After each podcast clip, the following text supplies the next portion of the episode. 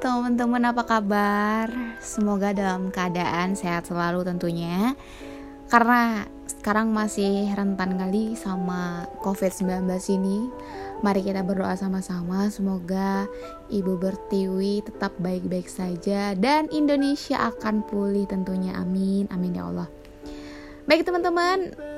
Uh, Sebelumnya aku ngucapin makasih Udah berkunjung ke platform aku.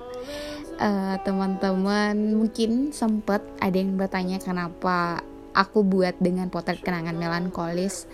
Ini terbawa dari itu sih dari hmm, aku SMP suka aja dengan kata-kata itu dilanjutkan dengan SMA aku dulu sempet nulis blog boleh teman-teman cek sendiri. Emang suka dan dulu emang hobinya kayak uh, galau-galauan gitu. Jadi ya suka gitu. Sebenarnya kata potret kenangan melankoli sendiri itu unik teman-teman. Kayak teman cek di KBBI eh punya KBBI nggak? Kalau nggak punya silahkan tuh download yang edisi kelima. Wajib tuh orang Indonesia harus punya KBBI PR ya PR ya. Kalau kata potret sendiri itu kita tahu kayak potret tuh ya kalau misalnya kita ngambil HP terus ngefoto ngepotret berarti mengambil sesuatu atau gambaran lukisan atau apa pun itulah. Kita kita motret berarti kita mengambil satu objek gitu. Jadi kayak yang potret itu ya gambaran. Gambaran dari apa yang sudah kita alami atau apa yang kita lakukan. Terus kenangan. Aduh kalau kenangan itu KBB itu sesuatu yang membekas gitu. Hal apa pun itu ya kenangan yang sesuatu yang membekas. Seperti itulah intinya. Terus melankolis. Saya senang sekali dengan kata-kata melankolis ini karena melankolis ini nih suatu gambaran sesuatu yang menggambarkan keadaan baik sening, sening, senang, sedih, suka, apa pun itu lah, perihal apa pun itu. Makanya saya sangat senang sekali dengan ketiga kata ini, potret kenangan melankolis.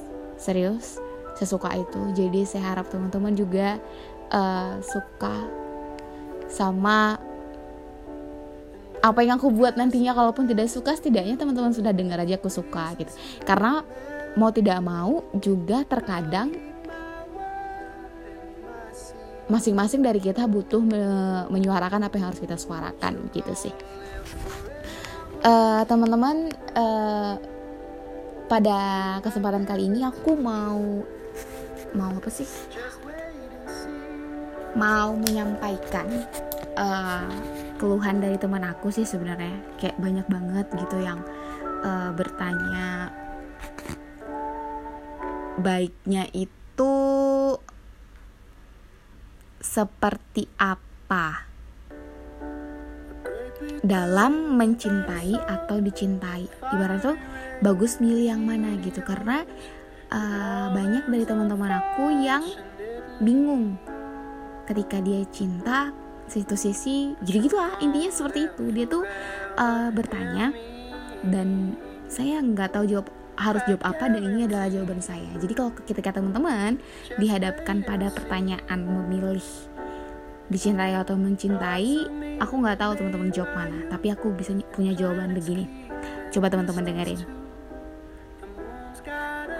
Tentunya kalau misalnya dalam hal cinta, itu pilihan akan menjadi penentu di mana kita akan tinggal atau akan menetap. Karena ini adalah cinta di antara mencintai dan dicintai. Kau lebih memilih yang mana? Tentu saja jawaban kita tidak akan selalu sama. Karena ini adalah cinta. Karena setiap orang mempunyai jalan pikirannya masing-masing. Setiap orang mempunyai pilihannya masing-masing. Kita mencintai seseorang tentu sangat membahagiakan kita dicintai seseorang itu pun sangat membahagiakan.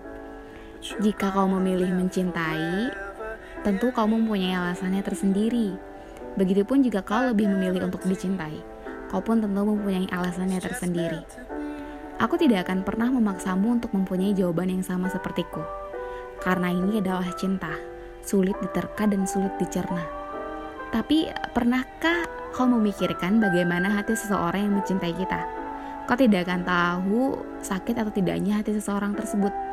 Tapi aku minta dengan sangat, luangkanlah waktumu untuk memikirkannya. Maka kau akan tahu bagaimana ketika hati orang yang mencintai kita tidak teranggap oleh kita. Kau akan tahu bagaimana sakitnya ia. Masihkah kita akan tetap egois dengan pilihan kita? Teman-teman, resiko dalam mencinta adalah sakit, dan resiko dalam dicinta adalah membuat orang sakit. Jadi sekali lagi aku bertanya, kau lebih memilih untuk mencintai atau dicintai? Balik lagi ke kawan-kawan semua. Yang paling penting balik lagi ke yang awal. Resiko dalam dicinta adalah membuat orang sakit.